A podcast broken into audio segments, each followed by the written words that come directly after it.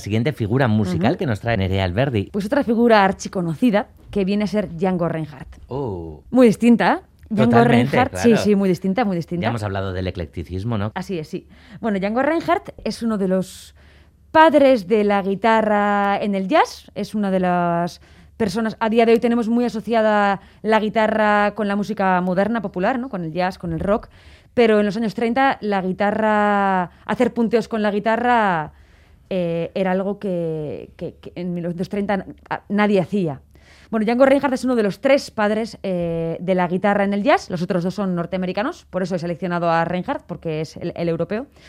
Y aparte de esto, eh, es la persona que inició uno de los pioneros del, del jazz europeo, era, era francés, y era un- el jazz de Reinhardt en una época, en la época de las big bands de swing, ¿no? En que la- el jazz en Estados Unidos estaba muy fundamentado en los vientos, en secciones de trombones, trompetas, saxofones, eh, pia- mucho en el piano. Django Reinhardt eh, llevó esto a una fusión con la tradición musical francesa de violín, acordeón, el, el bal musette y todo esto de la tradición musical francesa y fundó un, un- un jazz que ha hecho escuela que se llama Jazz Manouche y que es un jazz que, que la formación está muy basada en las guitarras. Él además incorporaba un violín y un contrabajo, que en ese momento fue algo totalmente en primicia. Fue la primera persona que, que hizo algo así. Y la primera persona que fusionó el swing que venía de Estados Unidos eh, y la música popular norteamericana con la música tradicional francesa. La primera persona que hizo esto. Así que es una, una figura, yo creo que muy, muy pionera. Vale. Fundó una, una toda una escuela, vamos. Vale, la creo, ¿no? De- Eso es. Y al margen de esto, aparte, Django Reinhardt eh, ta- también es un hito como persona, como músico, porque, bueno, Django Reinhardt eh, vivía en una autocaravana, era analfabeto y no, tampoco sabía leer música, aprendió por su cuenta y además, no sé a qué edad, pero creo que como a los 18 años así, la, cara- la caravana se, se- se incendió y perdió tres dedos de, de una mano, o dos dedos. Sé que tocaba con dos dedos, con dos dedos de la mano izquierda. Ya. Eh, en, en- el mástil de la guitarra. Claro, sí, punteaba con dos dedos. Y es uno de los grandísimos virtuosos de la guitarra. Eh, no se vino abajo y reaprendió a tocar de esta manera. Y aún así es uno de los pero gra- grandísimos virtuosos históricos, uno de los, de los mayores. Así que el mérito es aún mayor, ¿no? Aparte Claro. de, la- de lo innovador que fue, fue también innovador en, en esto, en iniciar una la técnica de los dos dedos a- en la guitarra acústica. Así que bueno, he traído un par de audios. El primero es de el swing que se hacía en ese momento en Estados Unidos con un tema de Benny Goodman del año 36 y luego escucharemos a Django Reinhardt. Vale, para contextualizar un poquito. ¿no? Para Los sonidos de contextualizar la lo que se estaba haciendo en Estados Unidos y lo que Django Reinhardt empezó a hacer en Francia. Bueno, el primer tema de Goodman es Sing, Sing, Sing.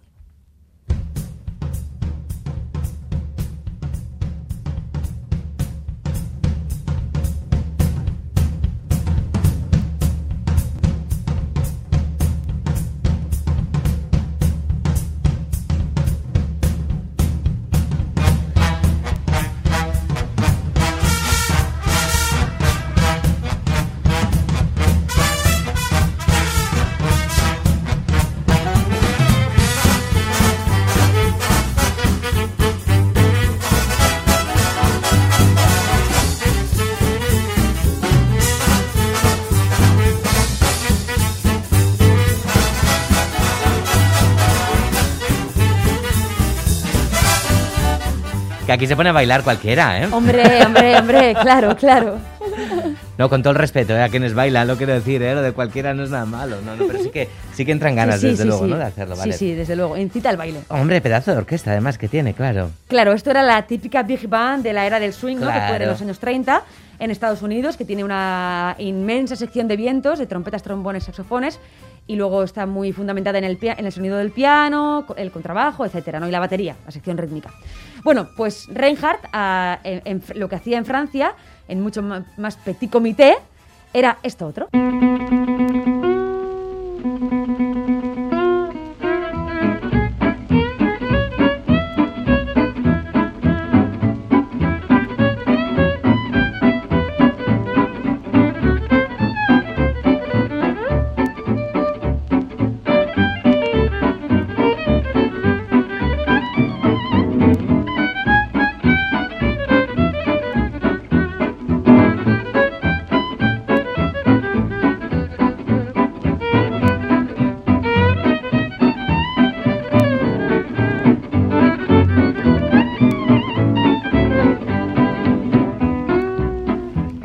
Maravilloso también lo que hacía Django Reinhardt, desde luego. Django Reinhardt con el maravilloso y mitiquísimo violinista Stefan Grappelli, que era el que escuchábamos tocar con él hace un momento. Vale, eh, teníamos tres figurones eh, europeos. Sí, ah, para- vamos con para el este tercero. Europeo de la Música. Vamos con el ¿Quién tercero. será el tercero? Bueno, pues el tercero, también archiconocido, es George Martin. Oh. el productor y considerado el quinto Beatle, ¿no? Porque se dice que una de las grandes claves de los Beatles fueron las, bueno, no solamente innovaciones, sino las eh, propuestas, sugerencias eh, que hizo George Martin en cada uno, en todos y cada uno de los discos de los Beatles, ¿no? Eh, George Martin fue un productor musical y fue pionero por muchos motivos. Sobre todo, yo diría que sus grandes innovaciones están en estos discos de los Beatles. Produjo muchos otros discos, ¿eh? ¿no? Fue de Jeff Beck, de Dire Straits, eh, jo, no, no recuerdo ahora, pero bueno, ha, ha producido mm, discos de muchas bandas. Pero las grandes innovaciones están en los discos de los, los Beatles, Beatles. yo diría que especialmente sí. Y son innovaciones en diferentes sentidos. El primero de los cuales es que utilizó técnicas sonoras que no se habían utilizado antes nunca en un disco de pop. Sí en discos experimentales de compositores sinfónicos o electroacústicos, pero no en un disco de pop. Como por ejemplo, hizo muchísimas eh, cosas, ¿eh? pero una de las cuales es, por ejemplo, en este tema de los Beatles que vamos a escuchar ahora, I'm Only Sleeping, utiliza eh, guitarras reverse, dadas la vuelta. O sea, graba, graba el sonido y les da la vuelta de manera que La lo del principio hasta el final, eso es como un re- rewind, ¿no? Digamos. Vale. Vamos a escucharlo en este solo de George Harrison.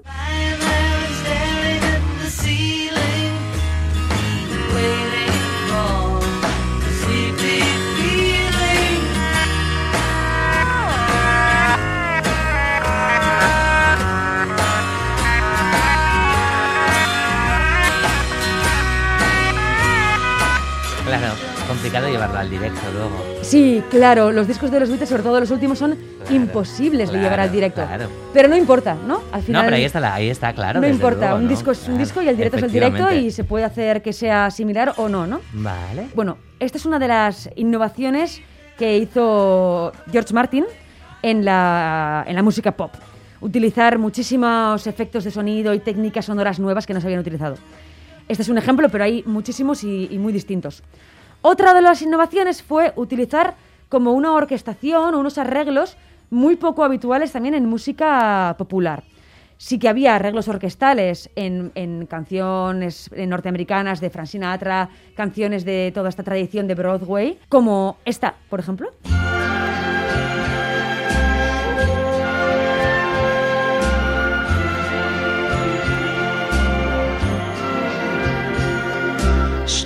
Strangers in the night, exchanging glances, wandering in the night. vale, bueno. Frank Sinatra con Strangers in the Night. Eso no es. la conoce. Esto es un arreglo sinfónico muy típico, muy convencional, precioso, Sí. eh, de, de un arreglista estupendo, eh, pero bueno, un arreglo tradicional, convencional, que se llevaba décadas haciendo. Ajá. Eh, coetáneamente, en los años 60, George Martin para los Beatles hizo arreglos muy variopintos, utilizando la orquesta de muchas otras maneras, utilizando también eh, ensembles mucho más pequeños, un cuarto de cuerda, eh, un melotrón, yo qué sé. Utilizó muchísimas formaciones para hacer arreglos muy inusuales en el mundo de- En del el pop, pop, en el pop. Como es este caso de Eleanor Rigby.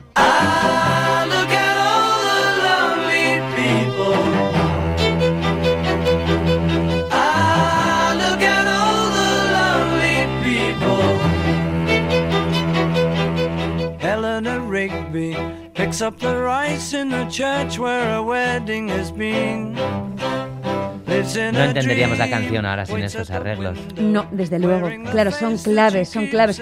Es una voz con un cuarto de cuerda, no hay nada más. Claro.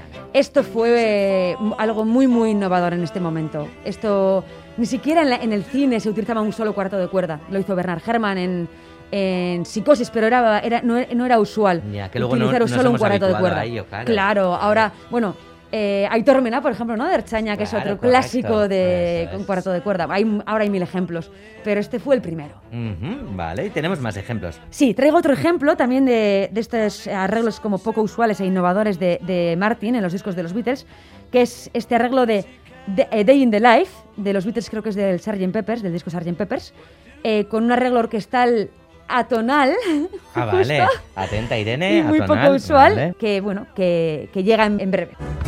Four thousand holes in Blackburn, Lancashire. And though the holes were rather small, they had to count them all. Now they know how many holes it takes to fill the Albert.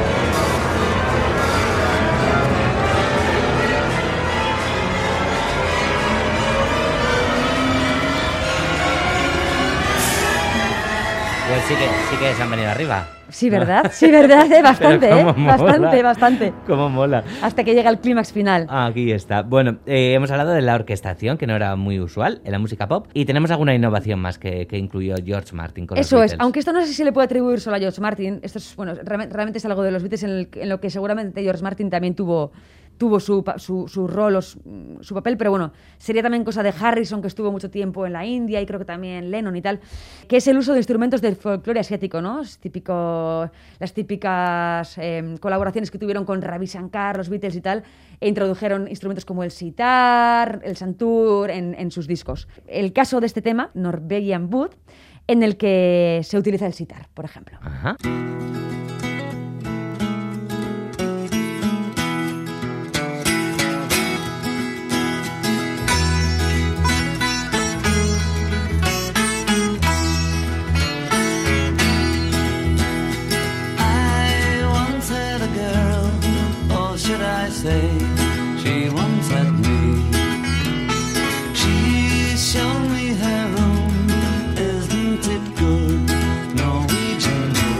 Otra canción que tampoco entenderíamos, ¿no? Sin, sin el sitar en este caso, ¿no? Ciertamente, ciertamente. La música ya no es lo mismo, ya no la escuchamos de la misma manera. Me alegro un montón. Ahora la escuchamos mucho mejor, o tratamos de hacerlo, o es mucho mejor la música.